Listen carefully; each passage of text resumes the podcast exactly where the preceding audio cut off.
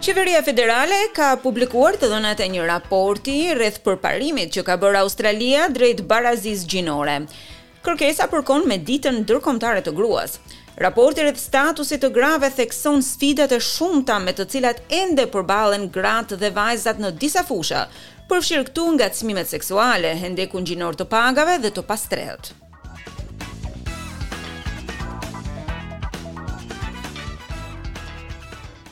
Tetëdhjetë vjet më parë, dy gra u bënë politikanet e para femra federale të Australisë. Dorothy Tangney nga WA ishte gruaja e parë e cila u zgjodh në Senat, ku dhe shërbeu për njëzet e pesë vite me radhë.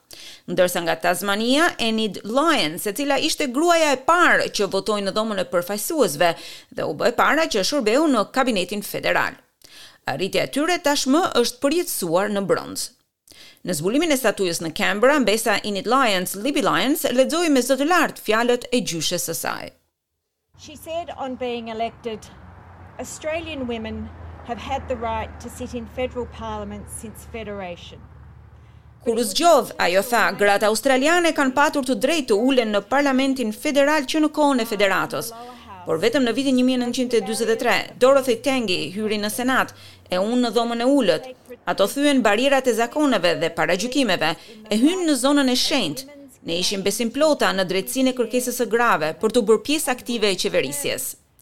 Statuja bazohet në një foto ikonike të grave teksa kalonin së bashku nëpër dyert e Dhomës së Parlamentit, si përfaqësuese femra të zgjedhura për herë të parë. Mbesa e Dorothy Tangney, Maxine Muir thotë se tezja e saj nuk e konsideronte veten feministe, por ajo i dha jetën barazisë së grave. Dame Dorothy was a very dedicated and talented woman who was extremely successful at a time when females were not encouraged to have Dama Dorothy ishte një grua e përkushtuar dhe e talentuar, ishte jashtëzakonisht e suksesshme në një kohë kur femrat nuk inkurajoheshin që të kishin aspirata të larta. Ajo përgatiti rrugën për gratë e tjera për t'u futur në Senat e Parlament në përgjithësi dhe hodhi poshtë paragjykimet ndaj grave në Parlamentin Federal. Statuja është bërë nga skulptorja Lis Johnson dhe është e para e një gruaje australiane në trekëndshin parlamentar të Canberrës. Ministrja për Zhvillimet Rajonale, Kristy McBain, e ka nderuar kujtimin e Dame Lyons dhe Tangney, duke thënë se ato hapën gjurmët për të gjitha ato që erdhën më pas. These two women will forever be etched into our history as the first women to enter Parliament. Këto gra do të mbeten gjithmonë në historinë tonë si gratë e para që hynë në Parlament. Që nga ajo kohë ka patur një numër të konsiderueshëm të grave në parlament, por secila prej tyre duhet të festohet. Ka qenë shumë e vështirë për gratë që të hynin në këtë hapësirë, e roli i këtyre dy grave nuk mund të nënvleftësohet. Pa shembullin e tyre ne nuk do të ishim sot këtu. Sot në Parlamentin Federal ulet një numër rekord i grave. Më gjerësisht, Forumi Ekonomik Botëror e rendit Australinë në vendin e dyzet e tretë në botë për barazinë gjinore. E një nismë e re nga qeveria federale po nxjerr në pah shumë mënyra se si Australia ka arritur të dështojë në këtë drejtim. Karta e raportit të statusit të grave bazohet në të dhëna të tilla në fusha të ndryshme, përfshirë këtu arsimin, rezultatet ekonomike, shëndetin, sigurinë dhe mirëqenien.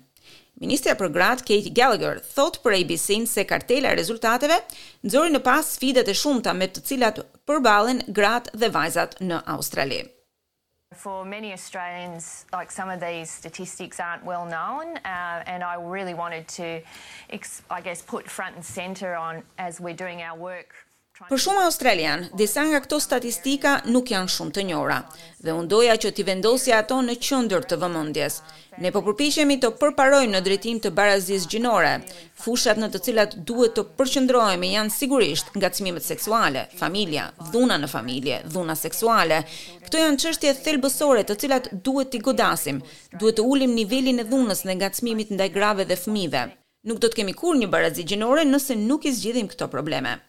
Ndërsa statistikat në kartën e raportit thonë se një në dy gra ka përjetuar ngacmime seksuale gjatë jetës së saj, dy herë më shumë se një burrë. Gratë gjithashtu vazhdojnë të bëjnë pjesën kryesore të punëve të papaguara të shtëpisë, edhe pse janë dhe mbajtëset kryesore të familjes, ato punojnë njëzet e katër orë në krahasim me nëntëmbëdhjetë orë për burrat. Tabela gjithashtu tregon se gratë e moshës mbi pesëdhjetë e pesë vjeçare janë grupi me rritjen më të shpejtë të personave të pastrehë në Australi. Të dhënat gjithashtu tregojnë edhe pabarazinë ekonomike me të cilën përballen gratë. Sipas të dhënave, hendeku i pagave gjinore është në një nivel të ulët rekord, por hendeku javor i pagave është aktualisht në trembëdhjetë pikë tre përqind, Hendeku i të ardhurave të tatueshme vjetore, njëzet e nëntë pikë dy për qind. Hulumtimet nga Instituti Australian sugjerojnë se gratë fitojnë më shumë se një milion dollarë më pak se burrat gjatë jetës së tyre. Si rezultat i hendekut gjinor në lidhje me pagat, gratë tani dalin në pension me më pak të ardhura në superannuation. Sipas Institutit Australian, një grua me të ardhura mesatare fiton njëqind e tridhjetë e gjashtë mijë dollarë më pak në superannuation gjatë jetës së saj. Raporti i qeverisë gjithashtu zbuloi se gratë që i afrohen pensionit kanë njëzet e tre pikë një për qind më pak pension sesa burrat në të njëjtën moshë. Lisa Littleton thotë se qeveria ka bërë përparime në adresimin e çështjeve të pabarazisë, përfshi këtu edhe përmirësimet ndaj kujdesit për fëmijët dhe lejen prindërore. Ajo thotë se duhet të bëhet më shumë. Karta e raportit gjithashtu tregoi se një e katërta e grave australiane kanë lindur jashtë shtetit, ndërsa tetëmbëdhjetë për qind kanë një paaftësi. Qeveria ka në plan që të nxjerrë një strategji kombëtare në gjysmën e dytë të vitit për të udhëhequr veprimin kundrejt pabarazisë gjinore. Është më se e qartë se puna e damës Dorothy Tangney dhe Enid Lyons akoma nuk ka përfunduar.